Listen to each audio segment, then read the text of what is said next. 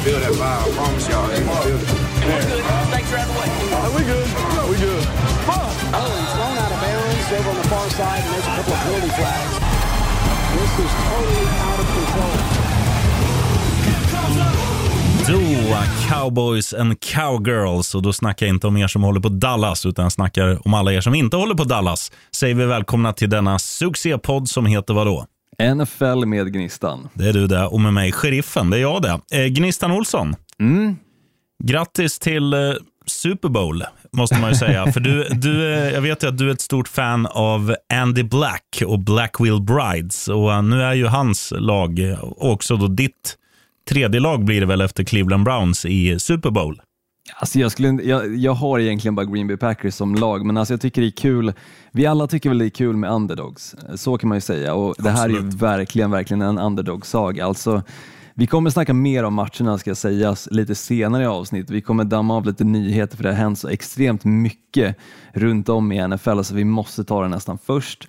Eh, Så matcherna som var i helgen nu eh, kommer vi snacka lite mer om senare men det- det är kul att Cincinnati Bengals är där. Alltså det är tredje gången de är i Super Bowl. De har aldrig förlorat en AFC Championship-match heller, eh, ska sägas, vilket är helgalet, men aldrig heller vunnit en Super Bowl. Eh, Med Joe Burrow och Matt Stafford är alltså de två quarterbacksen som kommer göra upp. Och Sheriffen, om du tänker tillbaka på förra året, ungefär samma tid, när vi liksom satt och pratade upp Super Bowl som var då, Kansas City Chiefs mot Tampa Bay Buccaneers. Hade du någon känsla på att det här skulle vara de två quarterbacksen vi skulle få se nästkommande Super Bowl? Eh, jag kan väl villigt erkänna att hade jag fått eh, liksom slänga in hundra olika QB-kombinationer vilka som skulle mötas i Super Bowl så hade de här inte varit med. Nej, jag tror ingen hade kunnat tänka sig det. För som sagt, det var ju innan Matt Staffords trade då till eh, Los Angeles Rams och det var under tiden som eh, Joe Burrow fortfarande läkte sin eh, knäskada som han drog på sig under hans rookieår. Det här är ju bara hans andra säsong i ligan och redan så spelar han Super Bowl. Det är vansinnigt galet, men som sagt, vi pratar mer om matcherna lite senare så vi börjar kanske med nyheterna. Ja, det ska vi göra. Vi ska också under det här programmet reda ut vem av oss som kommer betala för den andra när vi åker och ser en London-match. För att så här är det, eh, vi tippade, ju- eller vi tippar inför varje säsong. Eh, och då säger vi till exempel AFC South, eh, de vinner och de är tvåa, de är trea, de är fyra. Nu ska vi göra så här, vi ska gå igenom varje tabell lite rappt och så här är förutsättningarna. Man får en poäng för varje lag på rätt plats.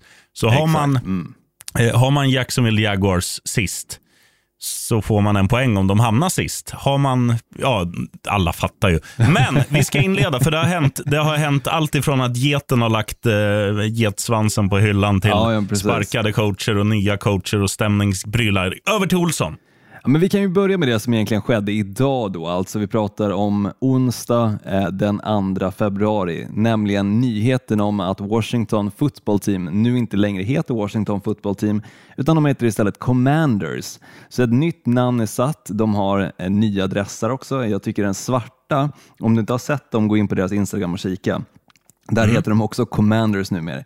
Den svarta är faktiskt jäkligt saftig och fin.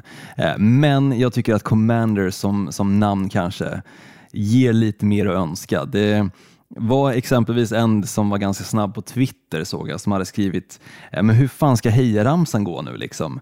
Eh, Det är ju jättelätt. Let's go Commanders. Ja, fast Let's go jag, tycker han hade, jag tycker han hade roligare för där var det Let's Go Commando eller Let's Go Commies eller liknande. Ja. Eh, Men de har väl lite att eh, fnula på när det kommer till just hur de ska heja fram det här Washington Commanders-laget numera. Ja. Om det kommer vara en framgång för deras del, det får vi väl se. Eh, Men vad, vad är dina generella tankar om det här namnet? Jag tycker, jag tycker, jag har inget emot det där namnet. Det finns de i NFL som har töntigare namn. Det är väl så här, alltså, eh, Commanders och Washington, det är ju, Washington, där ligger ju Vita huset och där sitter presidenten och det är de som, liksom, det är de som styr stora delar av staterna. Så att, eh, på så sätt tycker jag namnet är coolt. Jag tycker att det låter ganska alltså, maffigt ändå. Så här, Commanders vann med 7-5. Eh, nu vinner man inte med 7-5 i amerikansk fotboll, kommer jag på. Men, det går, det, Nej, går. Jag, det kan bli ja, en safety och ett I och för sig. Nej, men jag tycker ändå så här, jag, tycker, jag tycker det är bra, men det jag tycker är lite lökigt är att det har tagit två år att komma fram till ett sånt här namn istället för mm. att bara köra direkt, dra en jävla namn ur hatten och skit i att kalla det för football team. Eh, det är ungefär som Frölunda idag också samma dag har ju eh, liksom lanserat sin nya logga. Ser ut som två måsar som ska para sig med varann. Eh, och Det har också liksom tagit två år att komma fram till. Och Det är det som, det är det som skrämmer mig. Så att, ja, men Det är ganska bedrövligt faktiskt. Och, och det är tråkigt för fans också. Att Palmemordet tog liksom 36 år att lösa, det, det kan man ju förstå nu om det, om det tar så här lång tid att ta fram en ful logga eller ett halvdåligt namn. Jo, och jag kan väl säga så här också, just att eh, två år har ju folk liksom som hejar på Washington, tidigare då football team och tidigare Redskins, ändå köpt jerseys där det står football team på. Alla behöver ju köpa om sina jerseys, så i den aspekten kanske det är ett bra move, men frågan är hur många som faktiskt orkar, framförallt nu när de inte är speciellt bra heller och har speciellt stora namn, förutom kanske Chase Young och eh, Terry McLaurin då. Ehm, men spännande att se hur det väl går. Eh, det är väl ett lag kvar i ligan som många kikar på just nu att de kanske behöver byta namn tids nog, Kansas City Chiefs, men om det sker, det får vi väl se. Till nästa nyhet då, kanske den största av dem alla egentligen, just att Tom Brady har valt att pensionera sig efter 22 säsonger i NFL. Spontana reaktionen från ditt håll, sheriffen? Ja, man vill ju inte säga äntligen för att NFL är ju inte samma sak. NFL kommer inte vara samma sak utan Tom Brady. Man har inte Nej. upplevt NFL utan Tom Brady så man vet inte. Men man känner så här att det där är ju en man som man både älskar och hatar. Alltså han är ju, han är ju så bra så att det är, det är läskigt. Han har vunnit sju Super Bowls. Han har, ehm, han har gjort livet surt för Miami Dolphins under merparten av, av sin karriär. Eh, och nu i slutet så, så, fick, så tycker jag det är väldigt häftigt att han liksom fick visa att det är inte bara eh, Brad Belichick och New England Bill Patriots. Belichick. Vad sa jag då? Bread. ja, ja, jag menar Bill. Förlåt, eh, jag håller på att dricka gin samtidigt. Vätskebalansen ja, ja, är viktig. Mm, ja, Nej, men eh, att, att det inte bara är en produkt av Belichick, Belichick, Bill, Roger, Belichick och New England Patriots, utan att mycket är Tom Bradys verk. Alltså det är han som är mm. hjärnan. Man har sett det i Tampa Bay. Eh, nu förlorar de i år mot ett, ett väldigt bra LA Rams. Eh, kanske hade sett annorlunda ut om de inte hade haft eh, de skadorna de har haft på, på väldigt många viktiga offensiva pusselbitar eh, i Tampa Bay. Men eh, nej, det, man kommer sakna Brady, även om, även om man kanske tycker om de han möter mer. Eh, ja, men alltså, spontana reaktionen var ju verkligen äntligen, men samtidigt också var det ju liksom, precis som du säger, en liten eh, sorgsen känsla att Tom Brady inte längre kommer finnas i ligan. För att mm om du inte har hejat på honom så har du ju verkligen hejat emot honom och det har liksom alltid funnits den där nemesisen. Liksom. Oavsett om man spelar i samma konferens, oavsett om man spelar i samma division, så är det någonting med Tom Brady och samtliga då 31 lag han möter som gör liksom att de strålar samman i exempelvis de stora matcherna Super Bowl och börjar heja på det laget som Tom Brady inte spelar i. Mm. Den personen har vi just nu inte i ligan. Vi har liksom inte den där fienden om man då inte hejar på laget som han spelar i. Um, så där, där tycker jag att det är tomrum som han lämnar. Uh, det finns inte den där liksom nemesisen kvar i ligan uh, för, för samtliga lag helt enkelt. Och det är lite nej, tråkigt, så, men, så är det absolut. Men om man ska sätta i lite perspektiv vad han har åstadkommit. Då. Du nämnde det, sju stycken Super Bowls. Eh, han blev starting quarterback 2001 och också har vunnit lika många slutspelsmatcher som Dallas Cowboys som då bildades 1960. Eh, alltså 35 stycken slutspelsmatcher. Och han var också den första att vinna en Super Bowl i tre olika decennier samt vunnit med både ett NFC-lag, då Tampa Bay Buccaneers, och AFC-lag, eh, New England Patriots. Plus att han var först att vinna multipla titlar efter att han fyllde 40 år. Det är verkligen the GOAT vi pratar om, Tom Brady. Ja, ja. Bä. Så, tråkigt och det var samtidigt ganska roligt när man såg hela hysterin kring eh, hans announcement. För det kom ju inte från hans sida först, utan det breakades ju från ESPN, eh, Adam Schefter, att då Tom Brady skulle pensionera sig, att han hade bestämt sig. Eh, något som hans pappa sen dementerade och sa att nej, det här stämmer inte. Eh, och även hans agent liksom sa att Tom Brady har inte ens pratat med ägaren för Tampa Bay Buccaneers och sagt vad han vill göra. Några dagar senare, alltså ungefär tre dagar senare, så kommer nyheten från Tom Brady att han faktiskt går i pension. Mm. Så några kände nog säkert där att fan, tänk om det här inte är sant. Just med den spontana känslan att äntligen. Men det är sant, han kommer inte komma tillbaka till ligan utan ska istället fokusera på annat. Mm. Dels då vara familjefar. Man gillar att Shaquille O'Neal, den gamle basketcentern med storlek 56 i skor, han försökte ju liksom, hey come on man up, get your ass out of the wagon and play man. Typ men så. han har ju Kommer fler år. Alltså om man såg ja. honom spela i år, alltså det, det såg ju inte ut som en spelare som exempelvis eh, Big Ben som man kände liksom du skulle pensionera dig för kanske två år sedan, eller tre. Nej, det eller fler. Eh, utan Tom Brady liksom, han, han ledde ju ligan i antal eh, passing yards tror jag det var, och passing touchdowns. Så det liksom, han slutade ändå i prime alltså, i just formen som han var i. För att han spelar ungefär som att han var 20 igen. Ja. Eh, så det är sjukt att han valde att sluta just här och nu, men samtidigt jag förstår ändå, ehm, det är ett lag, Tampa Bay Buccaneers, som förmodligen kommer behöva eh, gå igenom lite förändringar och de förändringarna tror jag inte Tom Brady är villig att stanna för. Eh, just för att sätta sig i samma position som de var i exempelvis förra året, men också detta år. Ehm, så jag förstår honom. Vi får väl se. Det, ryktas om att det kanske kan finnas en chans att han kommer tillbaka till ligan i 49ers, men jag tror inte det. Det, det är Nej, nog över just nu. Det tror absolut inte jag heller. Eh, men eh, ja, det är bara, vi kommer ju säkert surra om honom i, i framtiden också. Det är ju, det är ju den största någonsin. Så... Om, om, inte annat om fem år när han val, väljs in i Hall of Fame, vilket han definitivt platsar i. Eh, han ska sitta högst upp på den tronen, tycker jag. Smärtar att säga, men han är den bästa som någonsin har spelat sporten. Han är den bästa som någonsin har spelat någon sport, skulle jag faktiskt säga. Med tanke Aj, på hur mycket... Nej, men med, med tanke på hur mycket han har vunnit och eh, hur länge han har spelat i, i ligan också, hur många gånger han har haft chans att vinna den stora matchen, förlorat tre stycken, vunnit sju stycken. Så hade eh, det svängt åt andra hållet så kanske han faktiskt hade suttit där med tio stycken ringar istället. Ja. Eh, Eli Manning och Nick Foles är de enda som har besegrat honom i en Super Bowl. Sjukt nog. Nu ska jag säga någonting som gör mig väldigt svensk, Olsson. När du säger att Tom Brady är den bästa någonsin för att han har vunnit så mycket. Det viktigaste är inte att vinna, det är att delta. och, och delta, det har han ju fan med gjort kan man ju ja, säga. Det har han. Nej, de jävla på... svennarna får fan snyta sig. Jänkarna, de, de, det där älskar jag med jänkare. Det handlar om att vinna och därför är han the GOAT. Bäst. Mm. Ja. ja. Jag, jag, tycker verkligen det. Och han har vunnit tre stycken MVPs, han har vunnit flest Super Bowls MVPs. Eh, det går inte att ta ifrån honom. Han, han är bäst någonsin. Och han har så gjort det på så så spektakulära sätt vissa gånger. Alltså, allt ifrån vändningen mot Atlanta, det var väl 27-3. Och nu liksom som egentligen pensionerad, inte pensionerad, men så alla trodde han var slut och bara, ja, han flyttar till Florida för han är gammal. Nej, han flyttade till Florida mm. för att vinna Super Bowl en sista gång. Så att, eh, ja, skit ner er alla som, eh, som trodde annat om Brady. Men eh, tack för en skål. Nu dricker jag gin för dig Tompa. Right on. Ja, jag skålar i ett glas vin här. Rödtjut har jag faktiskt mm. framför mig. Kvinnligt. Gott. Jag vet att du gillar rödtjut också, sheriffen. Ja, det gör jag. Det, jag skojar bara. Det var, jag kanske var lite avundsjuk. Ja, jag förstår dig. Jag är i och för sig lite avundsjuk på din gin, men vi går vidare i nyhetssvepet här. Eh, Raiders har hittat sin nya headcoach och tidigare offensiva koordinatorn för Patriots, nämligen uh, nej, Josh fan. McDaniels. Jag trodde du skulle säga Packers.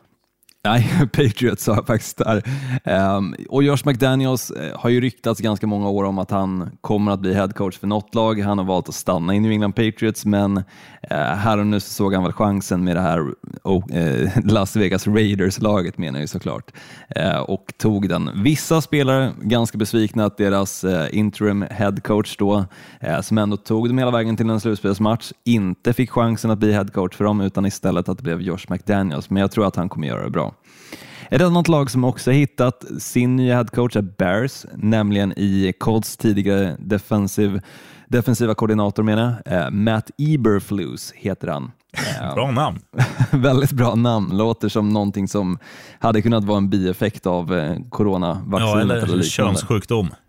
Eller könssjukdom. Men Matt Eberflus är den nya headcoachen i Chicago Bears och eh, en väldigt defensivt lagd sådan. Vi pratade lite tidigare när då Matt Nagy fick sparken om de skulle anställa en defensiv eller offensiv headcoach. Jag var mer inne kanske på en defensiv ehm, och i så fall hitta en väldigt bra offensiv koordinator istället. Men vi får se hur det här spelar ut sig. Defensiven är ju kanske inte det som har varit ett problem i Chicago Bears utan det har väl mest varit offensiven. Så som sagt, en bra offensiv koordinator behövs definitivt. Men det, det Bron- där som är lite coolt, bara, jag ska bara stoppa det där och säga att jag tycker det är coolt att vissa lag gör så. De flesta är ju så här, vad behöver vi? Och sen värvar man ut efter det.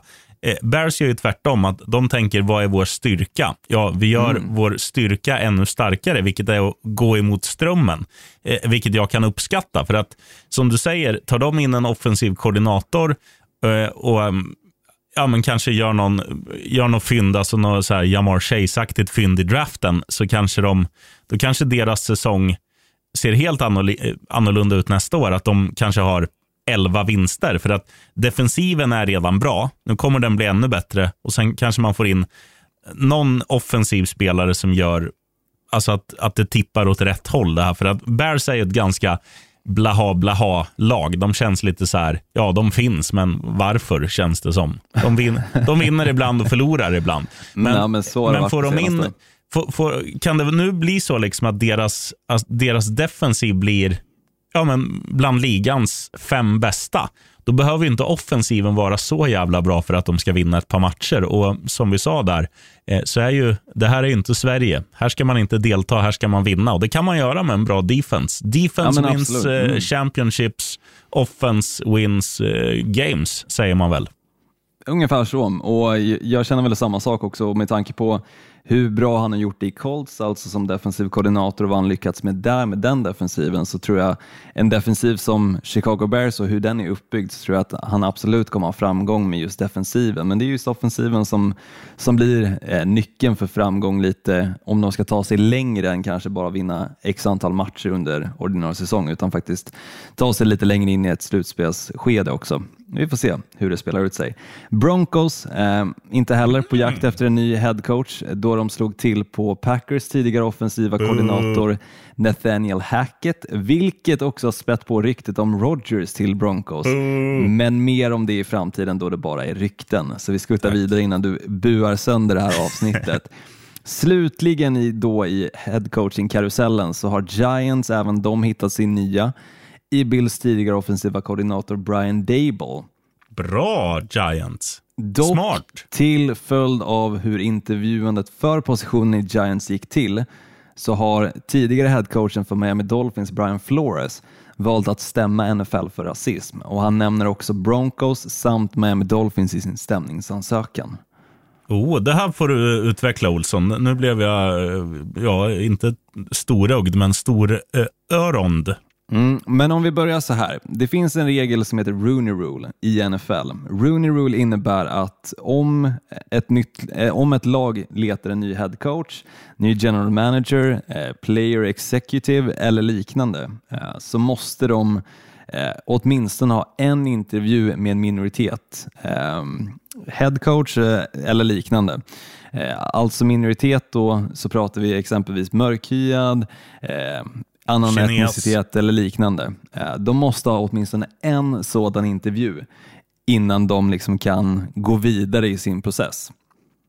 Eh, I just eh, Giants-fallet så fick då Brian Flores ett sms från ingen mindre än Bill Belichick, headcoachen för New England Patriots, som då gratulerade Brian Flores, vilket Brian Flores inte riktigt förstod sig på, för eh, Bill Belichick ville egentligen skicka det här smset till Brian Dable, eh, som då är vit. Men Brian Flores fick det här smset där han då blev gratulerad för headcoaching-jobbet i eh, Giants.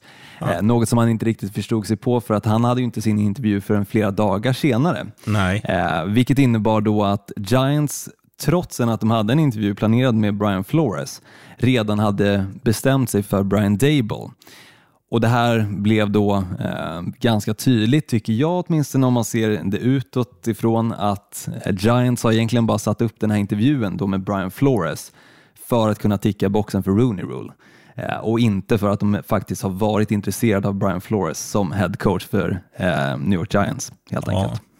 Nej, det, det är ju Eh. sjukt. Eh, Ja, du ska få fortsätta. Jag ska bara säga att jag, jag tycker båda prylarna är sjuka. Men fortsätt du, Olsson. Ja, och sen om man kikar tillbaka historiskt sett då, eh, med den här stämningsansökan så nämner han som sagt Broncos och Miami Dolphins också.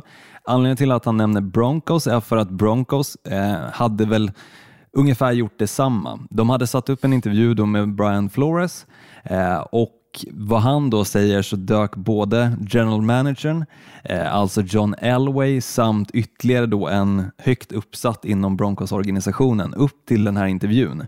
Eh, ganska bakfulla vad han vill säga eller vad han minns eh, och var ganska ointresserade egentligen av hela konversationen utan hade mest kanske den här intervjun då enligt upplevelsen från Brian Flores sida att eh, ticka boxen för Rooney Rule.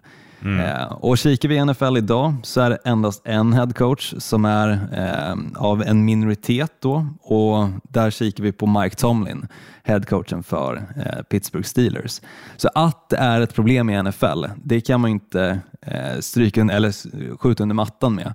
Eh, för som sagt, det är 32 lag men endast ett lag har en eh, minoritets headcoach. Och sen har det varit mycket rykten om exempelvis Eric Bienemy, eh, offensiva koordinatorn för Kansas City Chiefs som ännu inte riktigt har fått chansen som head coach utan eh, någonting som bara pratats om. Eh, så som sagt, den här stämningsansökan eh, tycker jag åtminstone med ögonen utifrån känns fullt rimlig. Och att den kommer i den här tiden känns också helt rätt. Anledningen till att han nämner Dolphins också, bara ska vi gå in på det, är på grund av att Dolphins ägare då han anlitade Brian Flores eh, ville att Brian Flores skulle förlora massa matcher för att ha bättre chans till ett högre draftpick. Eh, och erbjöd honom också 100 000 dollar per match som Brian Flores medvetet då förlorade. Eh, och blev också förbannad på Brian Flores när Miami Dolphins började vinna matcher i slutet på säsongen, vilket då påverkade vart någonstans de draftade. Ehm, och Brian Flores nämner att det här också är en av anledningarna till att han senare fick sparken.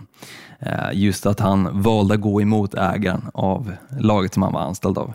Ja, man måste ju säga kudos först till coach Flow för, för allt det där. Jag, jag tycker ju, eh, alltså när man får höra det här om, om ägaren så måste jag säga att ägaren är ju dum i huvudet i sådana fall. För att det handlar, det är också så här, om du, om du tar dig till slutspel och ehm, det ger massa pengar. Tar du dig till slutspel gör det också att du blir en attraktiv marknad för free agent-spelare. Att Dolphins har någonting på gång. för han gick till slutspel. Eh, får, om jag går dit så, så kanske vi blir ännu bättre och, och sådär. De, de har mycket på gång, det är en eh, fin destination och så vidare. Eh, så att, att Brian Flores eh, liksom säger nej till muter och lägga sig, det, det ska han ju bara all cred för. Eh, också all cred för att han vågar, för det, det krävs ett jävla mod för att och liksom stämma NFL. Det är, Ja, men det är riktigt inte, stort. Det är inte som Och, att ehm, våga testa en ny chilisort på Ica. Liksom. Nej, och vi har ju sett tidigare exempel hur det går när du trotsar exempelvis normen i NFL. Jag pratar, eller tänker då på Colin Kaepernick exempelvis när han tog ett knä eh, för eh, sociala orättvisan i eh, USA som helhet. Och han fick vi ju inte se längre i, i ligan och det vore tråkigt om Brian Flores, som jag tycker under sin tid i Miami Dolphins verkligen har visat sig kapabel till att vara head coach och verkligen kunna ta ett lag långt också. Eh, det är lite, alltså lite saker som har liksom tyvärr eh, spelat ut sig på fel sätt, det vill säga. Exempelvis kanske de första sju matcherna den här säsongen när de bara förlorade, men sen vann de ju sju matcher på raken också. Eh, och ha den vändningen är ju dels historiskt, för det är ingen som har lyckats med det, men, men också väldigt stort hur han kan liksom sammanstråla ett helt lag för ett och samma syfte eh, och verkligen se till att eh, försöka vända på en hel säsong.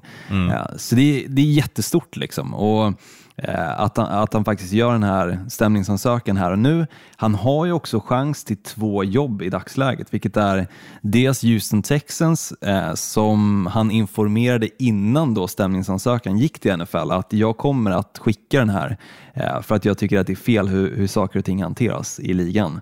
Eh, och, och ytterligare ett lag då som han också har chans för att bli headcoach till. Men om han kommer bli det eller om det här kommer påverka hans chanser för det, det får vi se.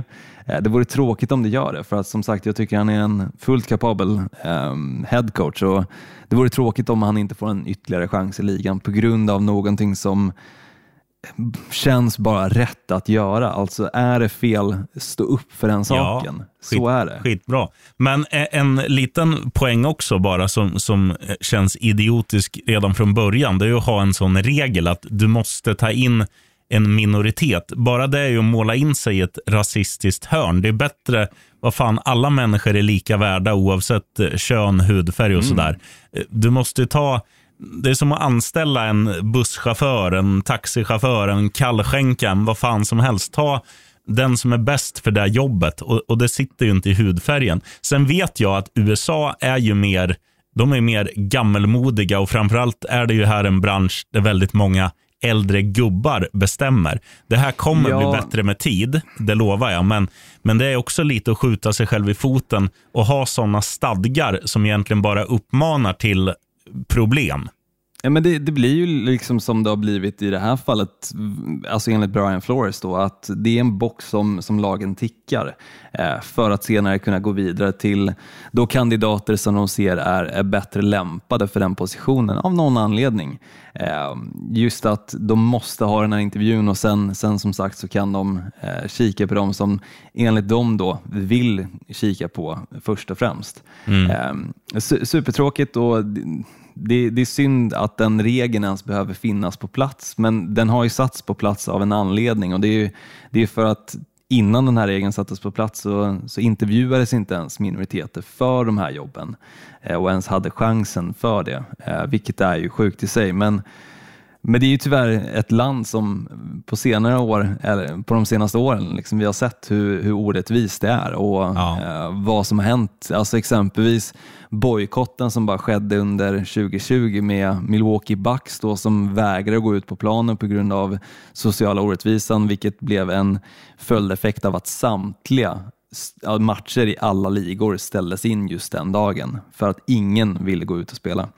Eh, NHL, eh, fotboll, samtliga eh, mm. ligor och allting ställdes in då. Så, så det är inte det... första gången som någon, någon tar ställning, men det är första gången som någon verkligen tar ställning kanske emot just NFL på det här sättet och faktiskt skickar in en stämningsansökan.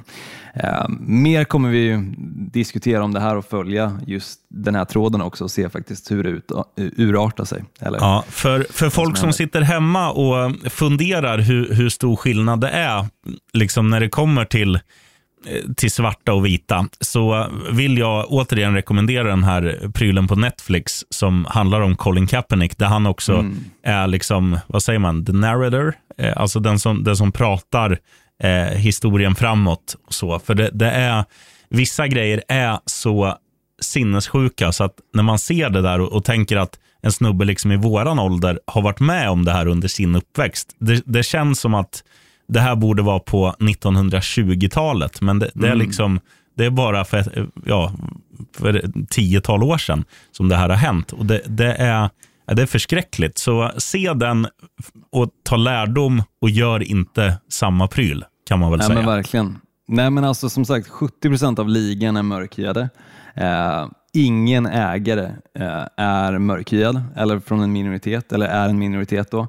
Eh, och visst, det går inte kanske att dra in Green Bay Packers i det här för de har inte ens en ägare, men som sagt 31 ägare mm. finns i ligan. Ingen eh, minoritet och ehm, nej, ingen headcoach förutom Mike Tomlin heller. Så jäkligt tråkigt att, att det är på det sättet. För som sagt, det finns många extremt duktiga eh, coaches. Alltså då pratar vi offensiva koordinat, koordinatorer, defensiva eh, QB-coaches och allting som, som mycket väl hade kunnat ta ett steg uppåt. För, eh, men på grund av eh, hur läget är så, så har de kanske inte fått chansen. Tråkigt. Mm. Vi får hoppas att det blir förändring i alla fall, ja. tack vare det här. Kung är du, coach Flow. Um, sen bara en sista sak som jag vill nämna. Um, Broncos verkar vara faktiskt uppe till försäljning. Uh, så sitter du i dagsläget på 4 miljarder dollar Ja, det är klart så, jag gör. skulle, så skulle Denver Broncos kunna bli ditt. Tack ska du ha. Men det är också första gången på väldigt många år som en NFL-franchise då kommer till försäljning. Så, Hur mycket är en miljard? Är det tusen miljoner där? Eh, en miljard är väl, ja det är väl tusen, Ja, tusen det blir miljoner. väl en nolla till. Stämmer. Mm, en nolla till. Fan, då har man pengar. Då har man pengar, men, eh, men det finns ju många här i världen som har väldigt mycket pengar. Exempelvis ägaren av Amazon eh, skulle definitivt kunna kanske köpa Denver Broncos eller om man kikar på Tesla-rogga. Eh, Tesla-rogga, precis. Han skulle också kunna kliva in där och köpa Denver Broncos. Så vi får väl se. Det blir väl någon, någon technisse i alla fall eh, som, som sitter på extremt mycket pengar. Mm. Eller Peyton Manning kanske kliver in där och blir ny ägare för Denver Broncos. Han har väl inte så mycket pengar? Nej, jag tror faktiskt inte heller det. Eller så är det här som eh, Tom Brady hela tiden har planerat för. Eh, Så Tom Brady nu kommer kliva in som ägare för, för Denver Broncos istället. Vem vet? Och så tradar han hela den franchisen mot New England. De byter stad. Ja, New precis. England Broncos. Mm vore väldigt sjukt och väldigt osannolikt. Ska vi kliva in på matcherna som var nu? För nu har vi tagit oss igenom nyheterna, eh, diskussionerna och allting. Eh, och, och vi kan väl egentligen bara säga att förändring har skett i många lag eh, när det kommer till vem som blivit headcoach. Eh, men en större förändring måste ske i hur ligan hanterar minoriteter. Bra sagt, Dr. Olsson. Då gör vi så här att vi gör som alltid att vi, vi kör kronologiskt och börjar då med matchen som spelades eh, den tidiga på söndagen mellan Kansas City Chiefs och Cincinnati Bengals. Och Det här var ju en match med två ansikten. Det var som en two-face i Batman. Första halvlek var det bara Kansas City Chiefs och sen var det fan bara Bengals i, i halvlek nummer två. Eller vad Ja, säger men det var helt, helt osannolik vändning från det här Cincinnati Bengals-laget. De låg under med 18 poäng eh, när halvtid närmade sig. Eh, Kansas City Chiefs hade också chansen precis innan halvtid att faktiskt dra ifrån ytterligare, alltså göra ytterligare en touchdown, men misslyckades med det. Eh, och, och Cincinnati Bengals kunde eh, korta ner den här ledningen som då Kansas City Chiefs hade istället. Eh, men, men helt galen match alltså. Och man trodde ju när man satt där och kikade som sagt första halvlek att där har ju Kansas City Chiefs, det finns inte en chans att de, de förlorar det här för att Nej. den ledning som, som de just nu besitter kan inte Patrick Mahomes inte förvalta och, och det här försvaret som än så länge i matchen, alltså innan halvtid då, hade spelat på en lysande nivå, stängt ner eh, samtliga eh, wide receivers i hela Cincinnati Bengals och Joe Burrow för den delen. Eh, trodde man ju kunde liksom stänga igen och eh, faktiskt ta sig hela vägen till ytterligare en Super Bowl, den tredje som då Patrick Mahomes hade spelat under sin korta karriär, vilket är galet i sig. Men Cincinnati Bengals kommer tillbaka och eh, gör på ett eh, så typiskt Cincinnati Bengals-sätt om man ser till hur de har spelat den här säsongen. Ehm, de kommer, kommer samman som en enhet verkligen. Eh, Det är skitsamma hur den offensiva linjen spelar. Eh, Joe Burrow gör sitt och han vet vart han har sina wide receivers, exempelvis då Jamar Chase, men den som hade bästa matchen av de receivers i eh, Cincinnati Bengals var ju T. Higgins då, som hade 103 yards på sex receptions. Ja. Och även Joe Mixon som bara liksom sprang över Chiefs eh, försvaret i andra halvlek. Det var, det var magiskt att se och, och det var så stort också att den här matchen gick till övertid. Eh, för som sagt, man trodde ju inte att det fanns en suck för Bengals. Man tänkte att ja, men de är väl nöjda, liksom. de har tagit sig till NFC Championship. Ingen trodde på dem i början på säsongen. Ingen trodde på definitivt att de skulle ta sig så långt förra året när då Joe Burrow liksom spelade några eh, halvbra matcher där under säsongen men sen skadade sig halvvägs in eh, så trodde man ju absolut inte att det här Bengals-laget skulle ha en suck på att ta sig så här långt. Så, så man trodde ju där och då att de var nöjda. De, de hade gjort sitt, de behövde inte göra mer. Men Mm. Jäklar vad de har visat sig det som är så- liksom... Mm, det som är så maxat i den här matchen också, där du säger att den går till övertid. Eh, det, ska bara ta en väldigt kort grej om, om Patrick Mahomes. Att hans andra halvlek, jag tror att det är den sämsta halvleken han har gjort i hela sin NFL-karriär när det kommer till, eh, till yards och, och, och, så vidare. För han var, han var bedrövlig i andra. Och när, när den sen går till övertid så, så vet ju alla att okej, okay, nu ska de singla slant. Och Det gjorde man sist också. Då, då sa man till Josh Allen att du kunde ha gjort en grej annorlunda, för han var bäst på plan. Du kunde ha tagit det som ja, krona eller klave. Okej, okay, jag tar krona. Ja, du skulle ha tagit klave. Samma pryl hände ju nu med Bengals. De förlorar ju lott, eh, eller slantsinglingen. Chiefs börjar med bollen och alla vet ju att ja, det kommer bli som sist. De kommer ja, vinna, till och med göra en Josh touchdown. Allen skrev på Twitter, så fort Kansas City Chiefs vann slantsinglingen skrev han bara pain, punkt. Ja. Eh, för han liksom där och då kände väl samma sak som alla andra som såg den här matchen, att jaha, Kansas City Chiefs i Super Bowl, det är klart. Eh, Patrick Mahomes kommer att spela bra under eh, övertid, men det gjorde han inte.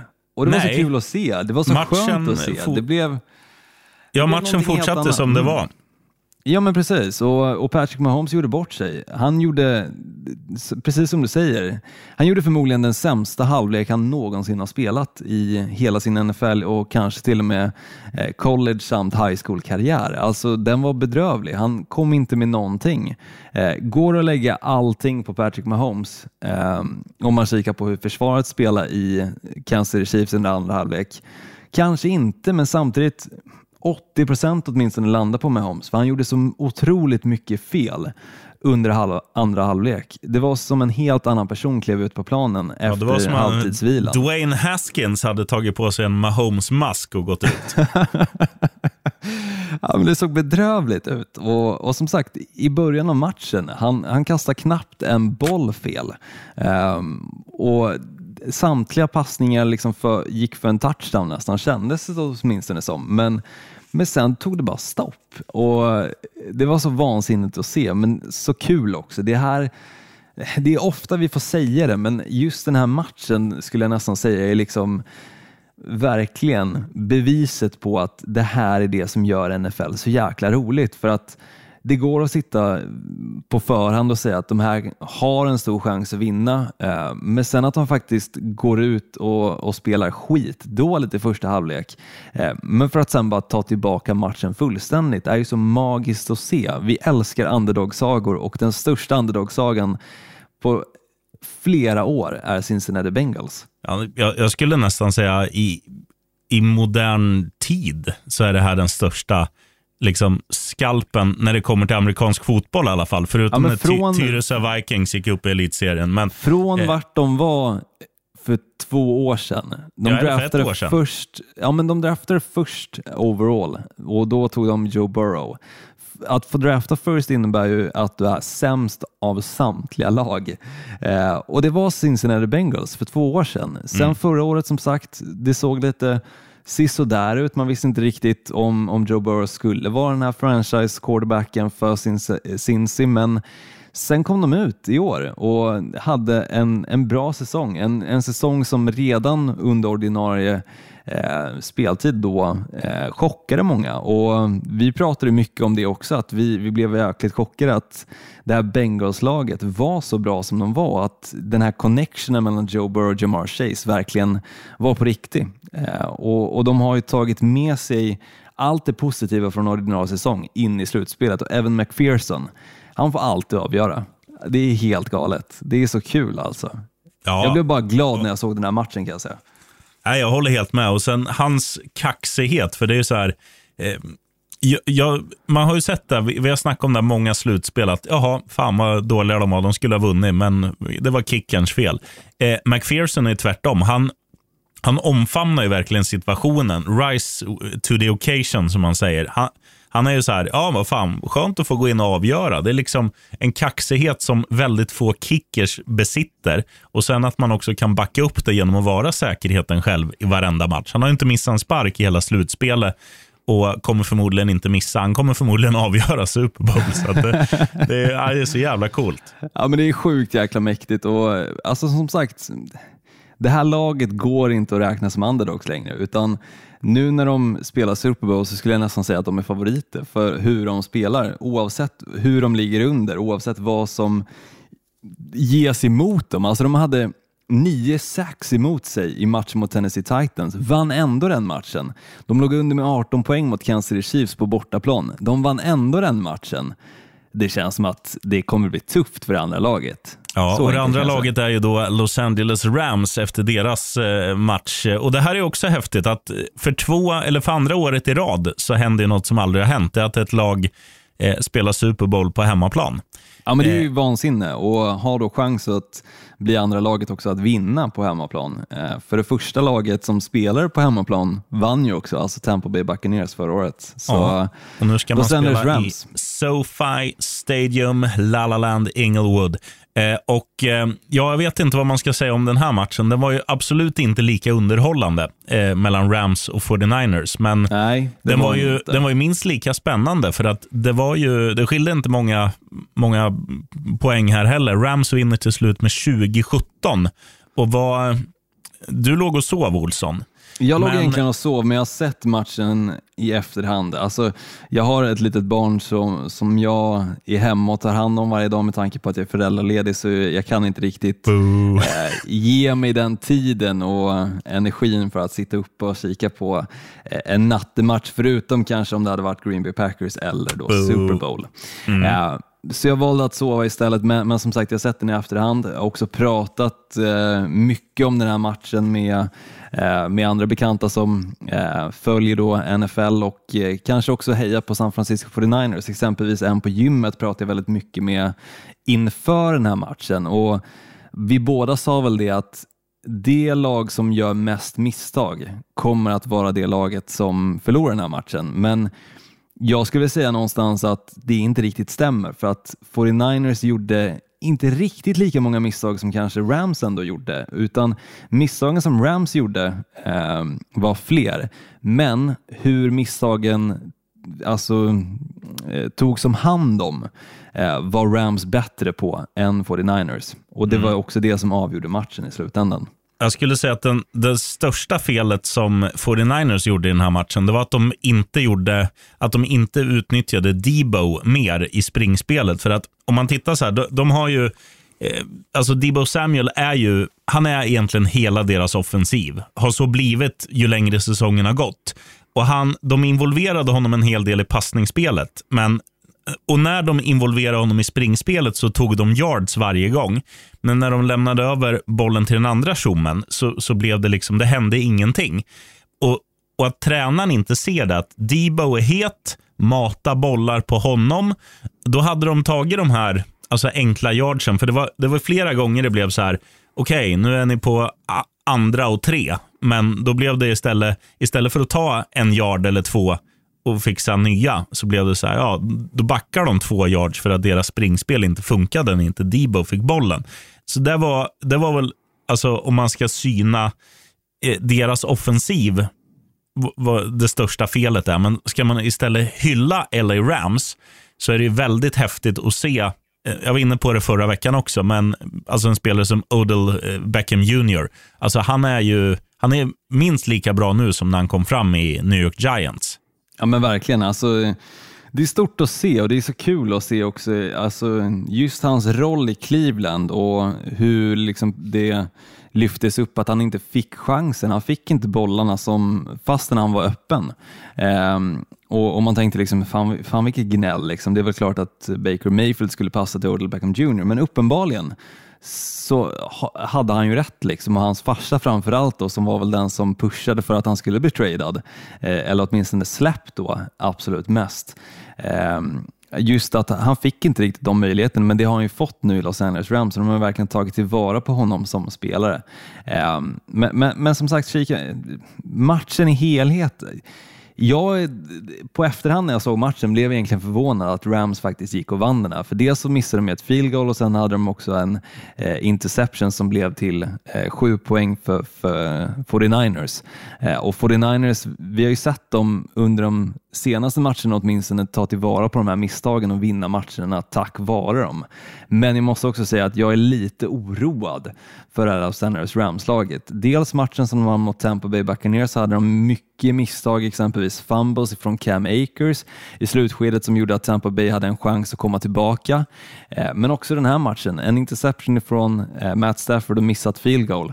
Eh, bådar inte gott mot ett Cincinnati Bengals-lag som uppenbarligen är extremt duktiga på att ta tillvara på när andra laget gör fel. För hade de inte gjort det så hade de inte kommit tillbaka i matchen mot Kansas Chiefs.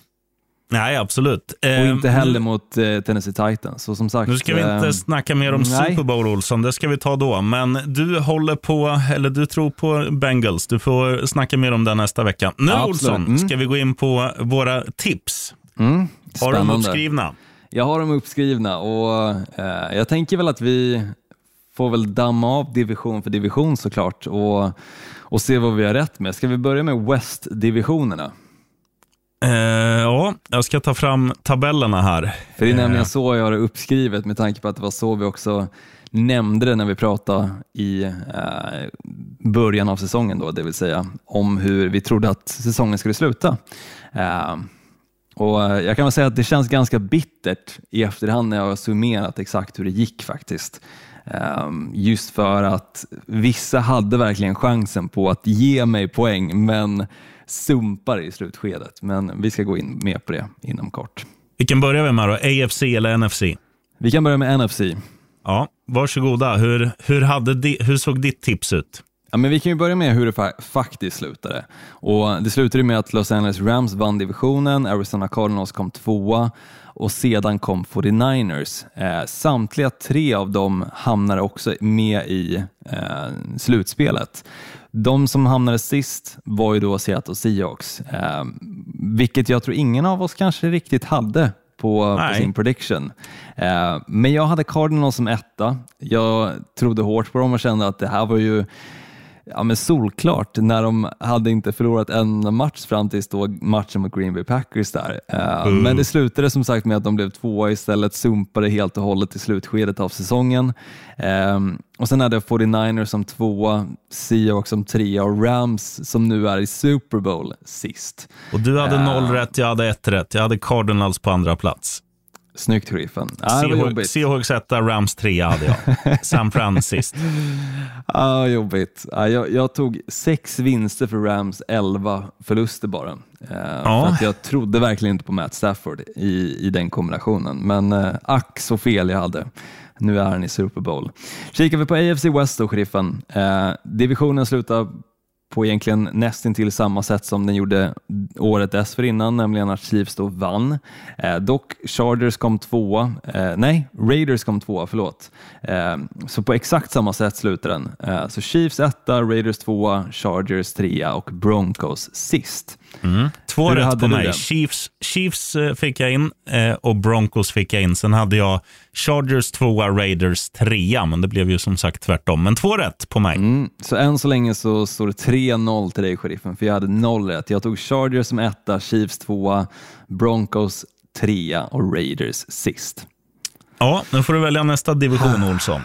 Då kör vi NFC East här. Yes, Och- där gick det bättre för dig tror jag. Det gick väldigt mycket bättre för mig kan jag säga, för där hade jag samtliga rätt. Det var nämligen så att precis som jag hade prediktat så slutade också den divisionen med att Dallas Cowboys gick och vann.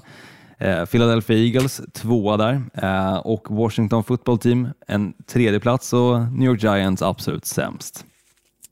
Fiskpinne, jag hade noll rätt. Jag hade Giants etta, Cowgirls tvåa, Eagles trea, Washington dyngsist. Så nu står det 4-3 till mig helt plötsligt. Ja, Skönt. går fort i hockey. Ja, det går väldigt fort.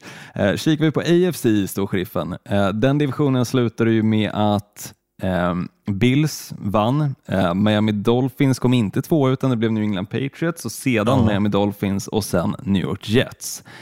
Hur många poäng fick du med det här? Eh, två, Bills och Jets. Du då?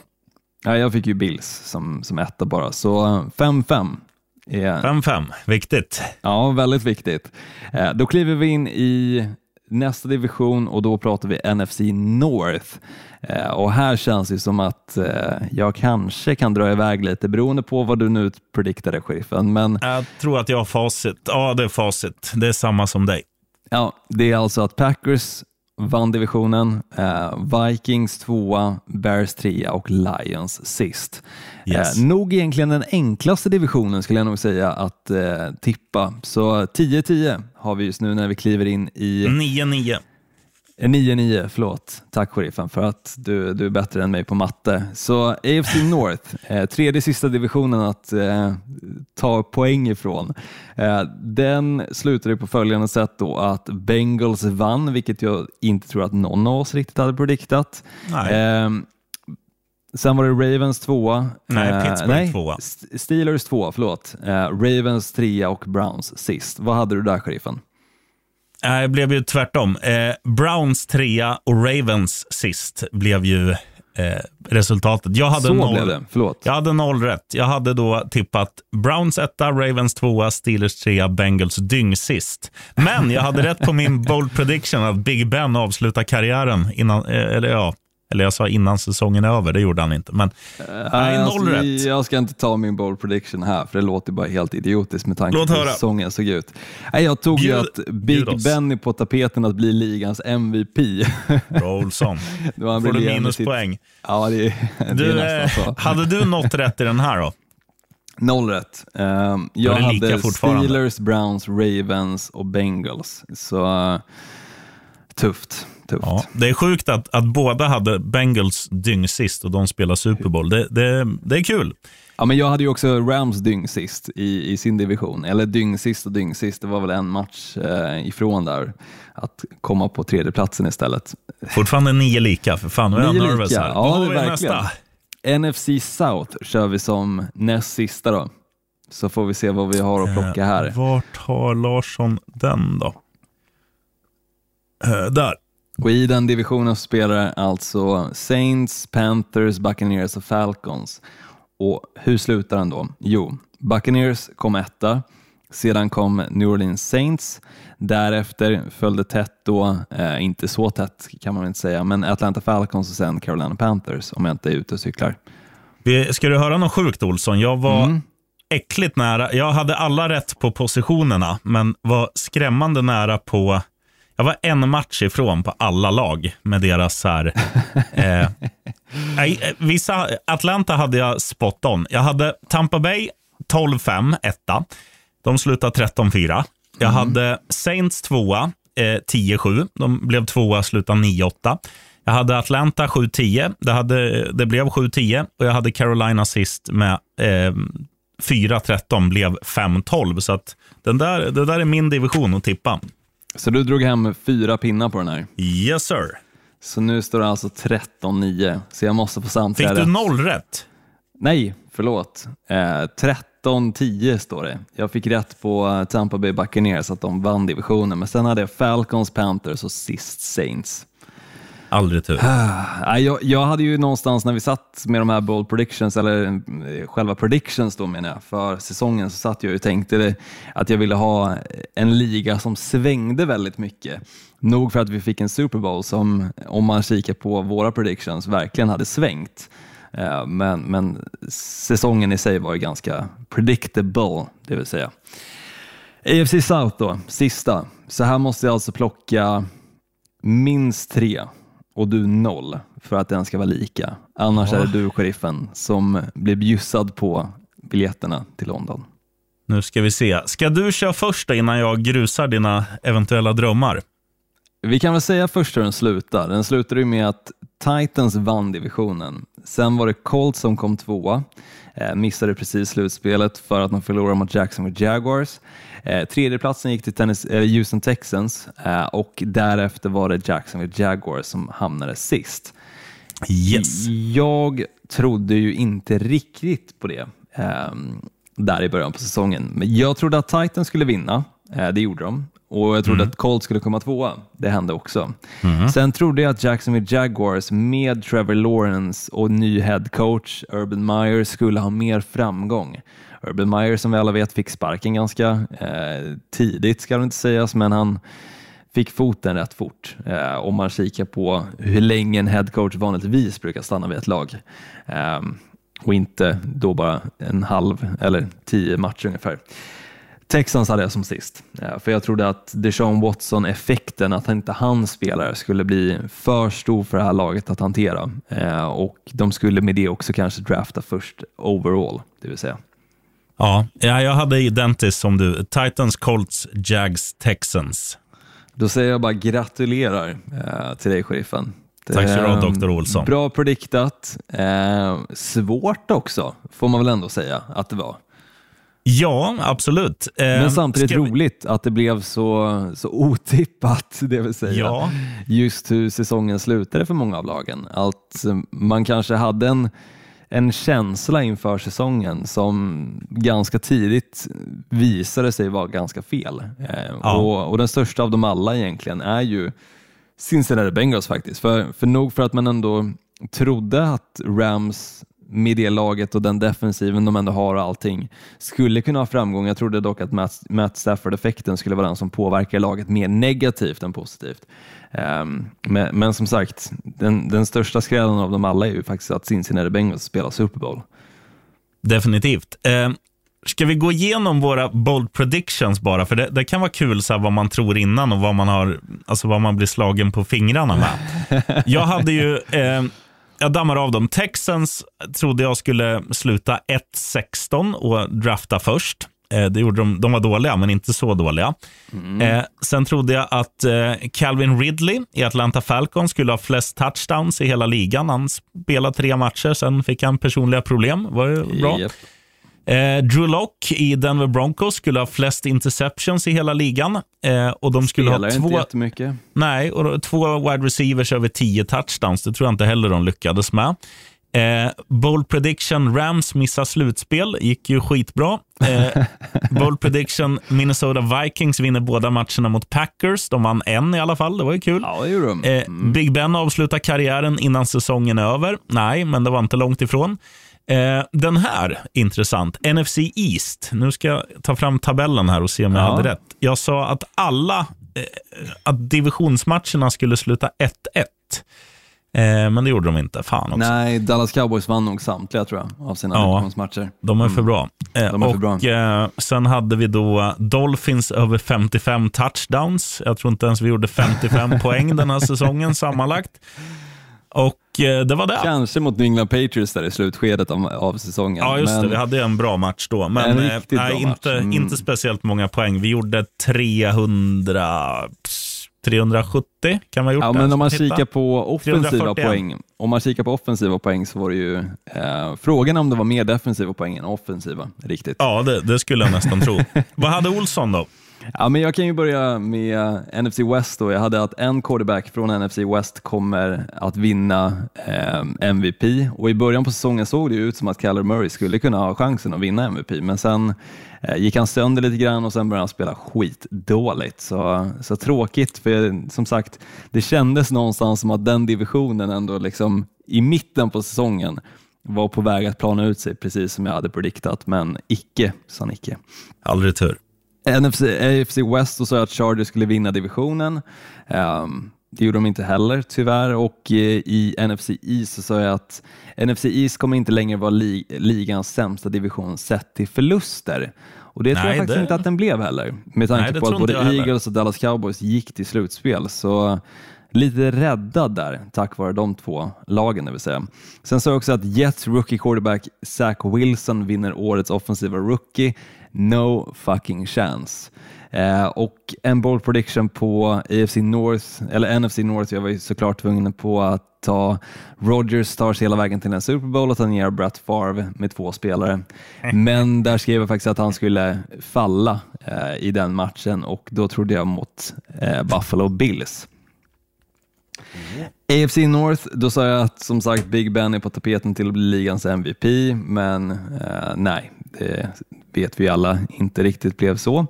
Eh, och Falcon sa jag skulle gå till NFC Championship och Trevor Lawrence kommer ha en bedrövlig rookie-säsong och endast ja, vinna fem matcher som starter för Jaguars.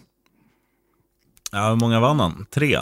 Tre tror jag att han ja. vann eh, i slutändan. Så, så den var ju inte helt helt eh, ute och cyklar på. En av åtta bold predictions som, som ändå satt. Fan vad jag känner att jag tippar bra. Liknande. Hade jag inte haft 72 procent rätt i min betting under januari så hade jag trott att jag var helt värdelös på betting.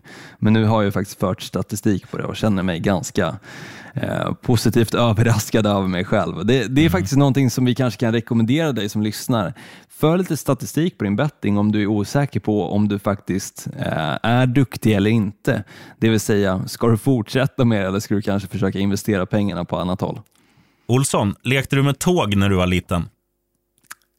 Ja, det gjorde jag faktiskt. Eh, Legotåg hade jag. Ja, okej, okay, okej. Töntigt. Men så här är det, när man leker med tåg, då finns det ju olika magneter på eh, vissa lok och vissa vagnar, så att de liksom ska haka i varann. Men har man då, om man tar två lok mot varann, då, då fastnar de inte i, Skjuter utan de skjuter ifrån de varandra. ifrån. Mm, exakt. Och det är ju det där med att plus eh, eller minus och minus blir plus. Och det man kan göra då, om man tippar som en jävla idiot, då kan man lyssna på den här Björn Rosenström-låten. Glöm inte bort att du är värdelös, värdelös. Och då blir minus minus plus, då mår man bra. Ja, bra, bra sagt av sheriffen för att avsluta avsnittet för denna vecka. Nästa Yes. vecka kommer vi som sagt vara tillbaka med och bara prata Super Bowl. Vi, som du kanske har fattat, vi skiter fullständigt i att Pro Bowl spelas nu i helgen. Nej, Det- du, du, du, du, du. Nu, nu ska vi inte snacka så. Utan jag ska ju fan sköta sändningen från Pro Bowl på via, Viasat. så att det där ska ni ratta in och kolla hur många reklamer som skjuts på fel, fel tid. Ja, det är väl enda anledningen i så fall till att se Pro Bowl. Alltså det är för Ja. att räkna dina fel. Eh, Men jag tror inte att du gör några fel, sheriffen. Eh, Däremot så tror jag att fler fel kommer att ses i matchen eh, i helhet. Men nej, jag kommer ägna denna helg åt annat än att kika på Pro Bowl. Så mycket kan jag säga. Och alla ni som följer oss i, i sociala medier, NFL med Gnistan och Sheriffen då på Facebook, ni kan ju filma när ni sitter och tittar på Pro Bowl-matchen och varje gång jag gör ett fel så säger ni boo. Ja, men då har man ju åtminstone någonting att följa med i matchen för. Alltså för annars, det är ju ett jävla jippo just Ska. Rogga spela? Tom Brady? Nej, Rogga. Aaron Rodgers? Rogers. Nej, han tackar alltid nej till det. Så det tror jag definitivt inte att han gör. Men, eh, men till skillnad från exempelvis All-Star-matchen i NBA, där de faktiskt spelar för att vinna och vissa eh, spelare verkligen liksom kommer fram som stora giganter, nog för att de är framröstade då av fansen och så, eh, för att få spela den här matchen. Eh, men, men där spelar de verkligen lights out, kontra då Pro Bowl, där de bara latchar och knappt tacklar varandra. Det är Nej, som sagt pyspunka. värdelöst att se, men det är en kontaktsport. Liksom. Så eh, Den är inte riktigt uppbyggd sporten för att man ska sätta sin hälsa på, på spel för en match som egentligen inte betyder någonting. Och med de orden, Gnistan Olsson, så, eh, så avslutar vi denna, denna långa podd på över en timme. Mm, det blev långt, fastän som sagt två matcher att prata om, inte så jättemycket snack kanske just kring dem, men väldigt mycket nyheter och reflektioner också till eh, hur, hur NFL kanske bör tänka framöver. Ja, och tack Brian Flores för att du skakar om och eh, väcker de där gamla eh, nötterna som sitter på bestämmande poster. Uppfriskande. Ungefär Ja. som att ha citron på maten. Jag tror att Brian Flores, om, eh, om några år så kommer vi kika tillbaka på den här händelsen och säga att där var brytpunkten för hur eh, saker och ting hanteras i NFL. Jag Så att vi det. kommer, vi kommer i Miami om ett par år ha en Brian Flores Boulevard. Sanna mina ord. Mm, jag hoppas det. Det hade varit fint. Jag. Jag hade besökt den. Och med de orden, eller ska jag berätta en sista rolig grej? Gör det, snälla. Fan vad jag skäms. Eh, Jag kanske har berättat det här förut, men du vet spelet Trivial Pursuit? Ja, fan vad jag är bra på det. Eh, Jag för är- att skryta lite. Jag är pissdålig. Vi, sitter, vi sitter i Båstad. Vi har i och för sig druckit på pilsner, men sen, sen får jag frågan, vem var Martin Luther King? Och jag bara, en potatis, svarade jag. För jag trodde att de menade King Edward. Ja, men det, det, det, du var ändå lite berusad, sheriffen, men det, det är ju bedrövligt att du inte satte den där då. Jag hade Eh, förmodligen svarat detsamma även om jag hade varit nykter. Det är det som är det mest skrämmande. Men nu vet jag vem Martin Luther King är. Och jag vet också att förutom Second Street så är Martin Luther King den vanligaste gatuadressen eh, i eh, USA. Det är stort och um, om, om man bara tar lite snabbt Trivial Pursuit där. Eh, anledningen varför jag älskar det spelet är för att jag har växt upp och förlorat alla matcher som jag har spelat mot min farsa. Men för tre år sedan tror jag det var så lyckades jag för första gången under min livstid besegra farsan. Och alla som har haft det här spelet hemma hos sig vet hur stort det är att besegra sin egen förälder i ett Ja, spel som handlar om Kunskap. allmänbildning, kunskap etc. Det är mäktigt och efter det har jag väl gjort det två gånger till. Så ja, Fan, jag, fan man skryter den där ja, jag Olsson. blir lite Du, eh, American här när, när vi ändå liksom pratar om att lyfta upp bra saker. Mm. Säg det till din farsa. Du, det viktigaste är inte att vinna, det är att delta. Nej. Alltid, alltid att vinna. Det kommer jag lära min dotter också. Helt rätt. Du Olsson, eh, var nära att säga skit ner dig. Eh, ha det fint. Så, Detsamma eh, sheriffen, tack. så hörs vi när Miami Dolphins inte spelar Super Bowl. Nej, det gör vi. Skål på dig. Nu glömde du säga någonting som du skulle säga. Ja, go pack go menar du? Nej, när de inte heller spelar Super Bowl, vilket Jaha. är så jävla härligt. Hej, hej, hej, hej, hej, hej. Hej, hej, hej, hej.